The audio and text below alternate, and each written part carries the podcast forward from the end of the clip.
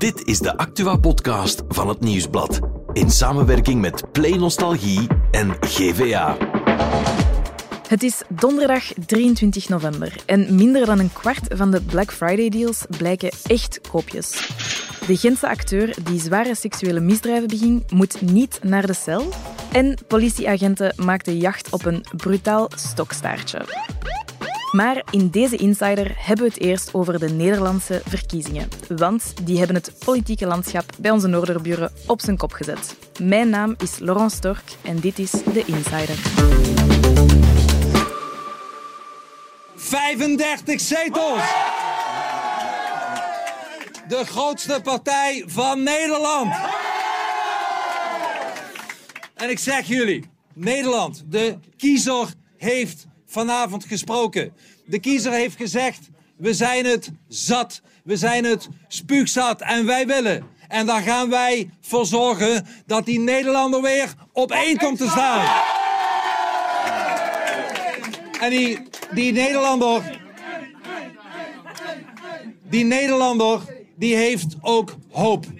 En de hoop van Nederland is dat de mensen hun land terugkrijgen. Dat de mensen ervoor zorgen, dat wij ervoor gaan zorgen dat Nederland weer voor de Nederlanders wordt. Dat die asieltsunami en die immigratie, dat die wordt beperkt. Dat mensen weer meer geld in hun portemonnee krijgen dan dat we tientallen miljarden aan onzinuitgaven doen. Ja, we hoorden net Geert Wilders, de man die vergeleken wordt met Trump en die met zijn Partij voor de Vrijheid een politieke aardbeving veroorzaakte. Bij ons in de studio zit Liesbeth van Impe, politiek journalist en natuurlijk ook hoofdredactrice bij het Nieuwsblad. Hey Liesbeth. Dag Laurence. Ja, Liesbeth, alle media hebben het erover en wij natuurlijk ook over die ongelofelijke overwinning van de PVV of de Partij voor de Vrijheid uh, bij die Nederlandse verkiezingen. Mm-hmm. De PVV die haalt maar liefst 37 zetels binnen. Dat zijn er 20 meer dan in 2021. Um, en dat is eigenlijk best onverwacht, hè, toch? Ze zijn afgetekend de grootste partij en, en dat had eigenlijk niemand echt zien komen. PVV was het niet slecht aan het doen in de peilingen, maar iedereen zat eigenlijk naar de grote spelers te kijken. En um, dat zijn?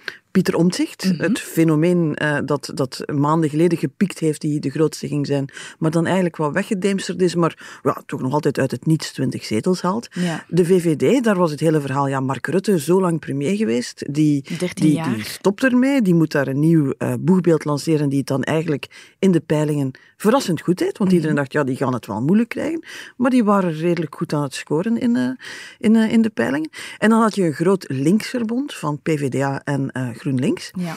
Met Frans Timmermans uit Europa teruggekeerd. Daar was de vraag van, ja, kan die, die waren zo'n beetje aan het achtervolgen. Maar oké, okay, daar zat ook iedereen naar te kijken. En Geert Wilders, die is er al 25 jaar in Nederland. Niemand die er nog naar keek. Die gaat dus naar beneden, die gaat weer een beetje naar boven. Maar goed, het was pas eigenlijk een, vorig weekend is er een mm -hmm. peiling geweest van Maurice de Hond. Nu, Maurice de Hond is zo de, de, de opiniepeiler in Nederland waar ja, altijd ook discussie over is. Okay. Die zei plots van, Wilders ligt los op kop. En het, het, het is nog uitgediept. Ja. Exit poll om 9 uur zeiden ze uh, 35 zetels, alles geteld 37 zetels. Dat is 12 zetels meer dan de eerste achtervolger, ja. het grote linkse blok. Dat had niemand zien komen, ook Geert Wilders blijkbaar niet. Blijkbaar zijn allereerste reactie was er toch een van uh, wat is hier gebeurd? Um, en het enige wat op dit moment dat je overal hoort is dat hij een heel sterke finish van de campagne gedaan heeft. Ja, want hoe kan het dat iemand die eigenlijk ja, een beetje vergeten werd, dan toch plots zo'n hoog score kan halen? Heeft het dan te maken met hoe de kiezer dan last minute toch gestemd heeft? Of is er iets gebeurd? Ik denk, je gaat weer alle analyses krijgen over hoe de pijlers de politici, de media toch niet echt gevoeld hebben wat er in Nederland aan het leven was. Mm -hmm. Het is heel verdeeld. Kijk je naar de steden, dan is er behoorlijk links gestemd. Kijk je naar het platteland, dan zie je daar dat daar helemaal anders gestemd wordt. Er is een heel grote kloof tussen uh, kortgeschoolden en langer gescholden. Ja. Dus je ziet weer een, een, tweedeling die blijkbaar niemand echt goed gecapteerd heeft. Mm -hmm. En je moet ook wel zeggen, als je een stap terug doet, en uh, zeker wij Vlamingen en Belgen kunnen dat goed begrijpen, de regering Rutte die compleet uitgeleefd was, waar iedereen zo had van, ja, we hebben het een beetje gehad met Mark. Mm. Uh, compromissen, schandalen geweest, vertrouwen in de overheid dat daalt, valt onverwacht deze zomer over migratie. Ja. toen zat, zaten heel veel mensen al te kijken, wat gebeurt er? Uh, waarom nu over migratie? VVD heeft daar de confrontatie gekozen. Heeft gezegd, we laten hier alles knallen, uh, die, die, die coalitie ligt er. Ja. Het thema van Geert Wilders, migratie.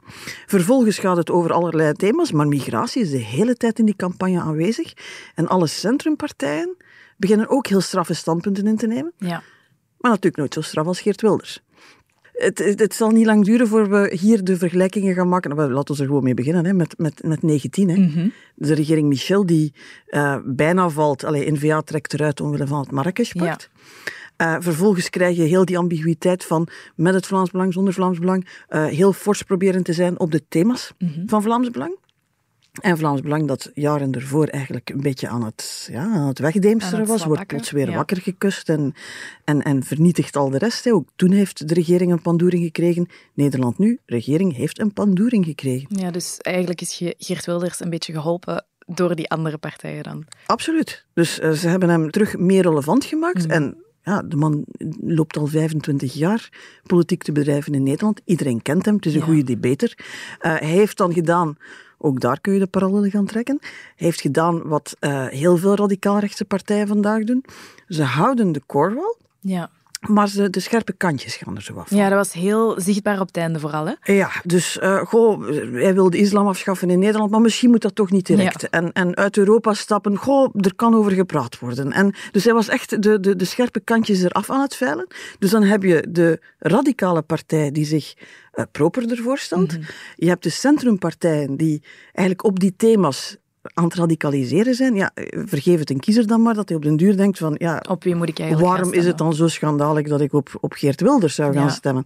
Dat is, die zegt toch ongeveer hetzelfde als Omzicht, die zegt, we hadden 220.000 migranten vorig jaar, dan mogen er nog, nog maximum 50.000 zijn. Mm. Uh, dan, dan met een VVD die zegt van, ja, we hebben het laten vallen op migratie, wij willen veel strenger zijn, wij willen opt-outs in Europa, wij willen met een aantal dingen niet meer meedoen ja, dan ben je eigenlijk de hele oorlog aan het voeren op het terrein dat Geert Wilders bijzonder goed kent.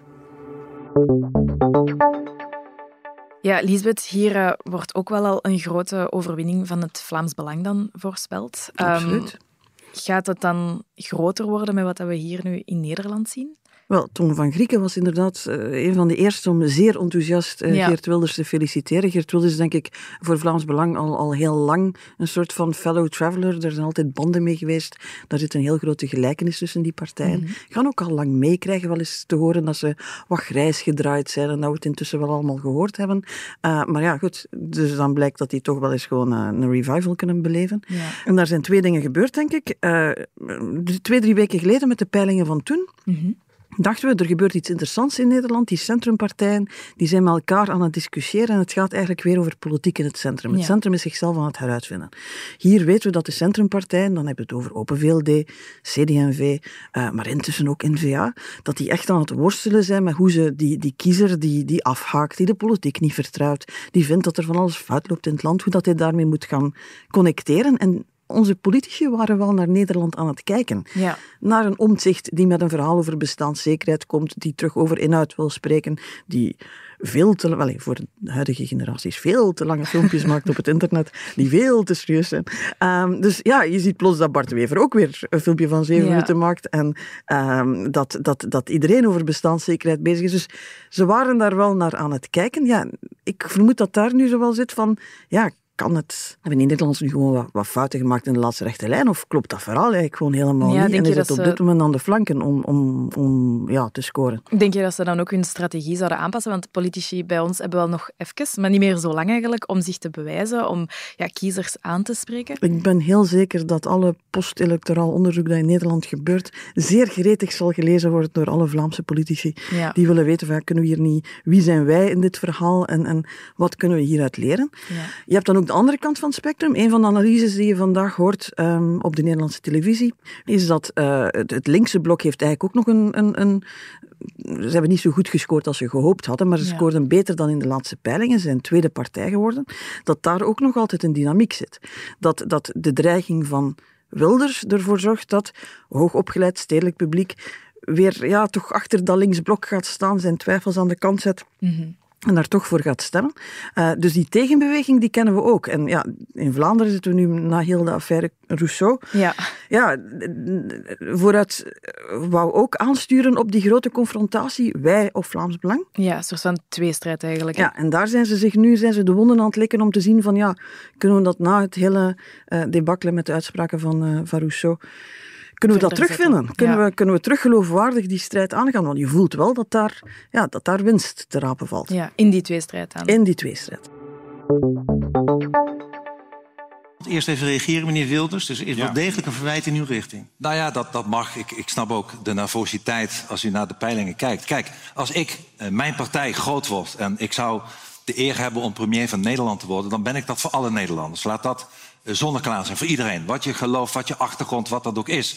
Maar dat wil niet zeggen dat je ook niet moet kunnen wijzen uh, op gevaren van um, sommige ideologen. Ja, we hoorden net Geert Wilders. Uh, dat was dinsdag trouwens, tijdens het slotdebat. Dus net voor uh, ja, de verkiezingen.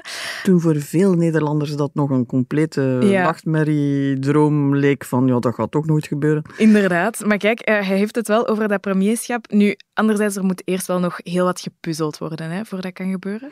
Ja, met premierschap, ja, het, het ligt daar open. Hè. Mark mm -hmm. Rutte is weg, die heeft daar 14 jaar gezeten, geloof ja. ik. En, en er is eigenlijk geen logische opvolger. Ja. Uh, Frans Timmermans, die het linkse blok leidde en die uit Europa gekomen was en heel de wereld kent en 27 talen spreekt, ja, dat was een typische premierkandidaat. Maar kijk naar een Pieter Omtzigt die getwijfeld heeft, wil ik wel premier worden, aanvankelijk niet, dan misschien toch wel op voorwaarden.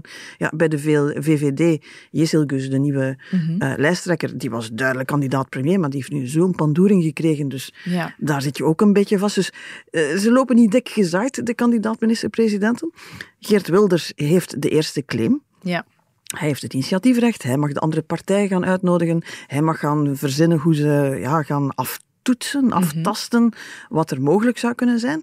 Maar voor heel veel uh, leiders van andere partijen is het idee van ja, een, een regering Wilders 1, ja. met hem als minister-president, toch nog iets waar ze een hele tijd gaan over doen om ja, alleen maar aan het idee te wennen laat staan tot coalitieakkoorden te komen natuurlijk. Ja, want Elisabeth, ik zie je hebt een, een papiertje bij met alle mogelijke um, ja, dat is puzzels wat die gemaakt kunnen worden. doen. Hè. En een keer de cijfertjes er zijn, dan beginnen wij van die optelsommetjes Ja. te maken. En dan zie je, ja, er is een soort van natuurlijke oplossing die zich natuurlijk aan de rechterkant van het spectrum bevindt, waar de PVV, Wilders, deel Ja. van uitmaakt, waar de partij van eh Omtzigt, NSC, eh bij komt, waar de VVD, de klassieke liberalen, eh bij komen. Die zouden eigenlijk al een meerderheid hebben. Voeg daar nog de BBB van Caroline van de Plas, de boer-burgerbeweging. Uh, en dan zit je eigenlijk zelfs met een heel comfortabele meerderheid. Mhm. Dus buiten het feit dat niemand dacht dat ze dat onder de vleugels van Geert Wilders zouden doen, zou je denken, Dit, ja, dit zou dat, is, kunnen. dat ziet er logisch uit, maar ja, dat, dat, totdat ze daar gaan zijn, gaat iedereen vanuit dat daar heel veel tijd voor nodig is. Ja. Stel dat er een soort van beweging komt van ja, we gaan dat niet met Wilders doen, we kunnen dat niet, we kunnen dat niet maken, dat, dat, dat schaadt Nederland te veel, dat is ook niet goed voor onze reputatie bijvoorbeeld. Ja, als je het zonder Wilders wil gaan doen, ja, dan moet je heel veel gaan samensmijten. En heel veel dingen samensmijten die ja, niet zo comfortabel samen zitten. Dus dan moet je die liberalen van de VVD, die, die gewond uit de, de, de verkiezingen komen, Mhm. dan moet je dat linkse blok van GroenLinks en PvdA erbij uh, halen. Moet je weer met Pieter Omtzigt uh, gaan spreken, die moet er ook bij. En dan kan je nog gaan kiezen. Met boer-burgerbeweging heb je een heel nipte meerderheid. Ja. Uh, als je aan de andere kant naar D66 gaat, dat is zo de links-liberalen, maar die hebben ook een pandoering van Jewelsen gekregen. Oké, okay, haal die erbij, dan heb je een, een, een, een, nog altijd een krappe meerderheid, ja. maar iets comfortabeler. Maar ja, dan voel je ook van, ja, voordat je daar zou geraken, moet er heel veel uh, water door de Maas vloeien, denk ik. En uh, geen van die coalities is makkelijk en snel op de been te brengen. Ja, want ook bij die, die laatste opties dan eigenlijk zonder de partij van Geert Wilders, dan wordt er ook niet geluisterd naar wat de kiezers eigenlijk wilden. Dan ga je daar met een, met een lastig verhaal zitten van ja, we, we doen hier iets wat, wat twee koppen en 24 staarten heeft. Uh, zijn we in aan het knutselen uh, om toch maar ja, rond die grootste partij te gaan. Ja. Nu, dat is iets wat... Als je meerderheid hebt, heb je meerderheid hè, in democratie. Democratie. Ik bedoel, je telt stemmen op en er zijn ook een pak Nederlanders die Geert Wilders niet willen natuurlijk. Dus Ja. als je meerderheid vindt, maar je moet er ook een coherent verhaal van maken. Je moet dat vertrouwen in, in, in de overheid gaan herstellen. Je moet al die vragen rond bestaanszekerheid gaan beantwoorden. Eh, je moet, moet ja, de Nederlanders terug wat geloof in hun democratie geven. Ja, dan ga je wel moeten eh, met een treffelijk plan komen. Ja. Omgekeerd met Wilders, die heeft een pak standpunten die ook niet zomaar, ja, waarvan Omtzigt al gezegd heeft, van, ja, maar ja, al zijn dingen die gewoon niet grondwettelijk zijn. Ja. Ja, dat gaan we toch niet doen? Europa zit daar met grote ogen naar te kijken wat dat, wat dat gaat geven. Dus eh, ze zeggen intussen hè, dat ze een beetje op ons beginnen te lijken, dat ze ook naar lange formaties gaan en dat ze niet meer rap aan regeringen geraken. ja, Ik vrees dat ze ook weer voor een tijdje vertrokken zijn. misschien breken zij wel ons record aan. Eh, ja, maar dan zullen wij dat volgend jaar weer opstellen, vrees ik. Dankjewel, Lisbeth. Graag gedaan. Er is natuurlijk ook nog ander nieuws vandaag en daarvoor is Eva erbij komen zitten. Dag Eva, welkom. Hey Laurence. Ja, als we de reclamefolders mogen geloven, dan is het nu het moment om te kopen. Hè? Want het is de dag voor Black Friday. Maar ik denk dat jij onze pret komt bederven, toch? Uh, don't shoot the messenger. Het is testaankoop. Ah. Uh, die de koopjes op de korrel nam. En uh, van de bijna 18.000 deals uh, die testaankoop volgt, zijn er maar zo'n 4.200 die aan de criteria voor een goede deal voldoen. En dat is niet eens een kwart. Oké, en wat is dat dan een goede deal? Ja, een goede deal is eigenlijk als een product uh, goedkoper is nu op dit moment dan in de voorbije 12 maanden. Oké, en zijn er zo'n goede deals dan? Ja, toch wel eigenlijk. Uh, als je een tv nodig hebt, mm -hmm. het is het moment. Daarnaast, als je het niet op het werk wilt doen, uh, kun je ook een printer kopen. Ook een goede deal. Smartphones, koptelefoons. Allemaal elektronische spullen dan? Ja, inderdaad. Dan moeten we ook nog eventjes naar Gent, want acteur BN, die vrouwen drogeerde en verkrachtte in een sekskamer, die moet niet naar de cellen. Nee, dat klopt. Hij kreeg uh, vijf jaar cel met probatieuitstel. Hij moet residentiële begeleiding volgen, maar hij moet dus inderdaad niet naar de cel. Ja, dat is wel opvallend, hè, Eva? Ja, inderdaad. Uh, als je ziet, ja, hij heeft uh, drie vrouwen verkracht, gedrogeerd, meegenomen naar een, naar een sekskamer en ook die feiten dan ook nog eens gefilmd. Mm -hmm. Het is inderdaad wel opvallend dat hij daarvoor niet naar de cel moet. En wat zegt het Openbaar Ministerie daar dan over? Die noemt het weerzinwekkend. Hij spreekt van weerzinwekkende ja. feiten. Maar de advocaat van BN argumenteerde dat er voor bepaalde handelingen toestemming was gegeven en dat het telkens gebeurde in een roes van alcohol en drugs. Oké, okay, dan gaan we even naar het regennieuws. Dat is iets plezanter nieuws. Mm -hmm. En dat gaat over een brutaal stokstaartje. Ja, uh, het gaat over een ontsnapt stokstaartje in Mol. Mhm. Mm -hmm. Het uh, diertje was niet alleen ontsnapt, maar ging dan ook even uh, flaneren op de parking van het politiecommissariaat. Dus de agenten die dat, dat diertje daar zagen, ja, die, die snelden er naartoe, die probeerden hem te vangen. Ja. Maar het stokstaartje was cent te snel af. En de agenten zeiden dat het toch nog iets anders is dan een loslopende hond vangen. En is dan iedereen nu in Mol volop met netten of weet ik veel wat op zoek naar dat stokstaartje? Dat is niet nodig. Uh, okay. De eigenaar uh, is gecontacteerd en die kon het diertje wel vangen. Okay. Maar voor degenen die het, uh, die het wel schattig vinden, want het is natuurlijk een heel schattig diertje, mm -hmm. je hebt wel speciale toestemming nodig om okay. er zo eentje te houden. Ik onthoud. Dankjewel, Eva. Morgen zijn we er weer met een nieuwe Insider.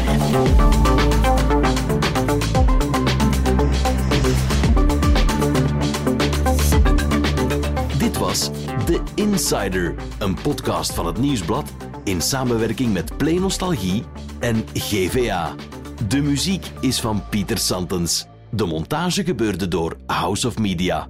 Wil je reageren? Mail naar podcast.nieuwsblad.be.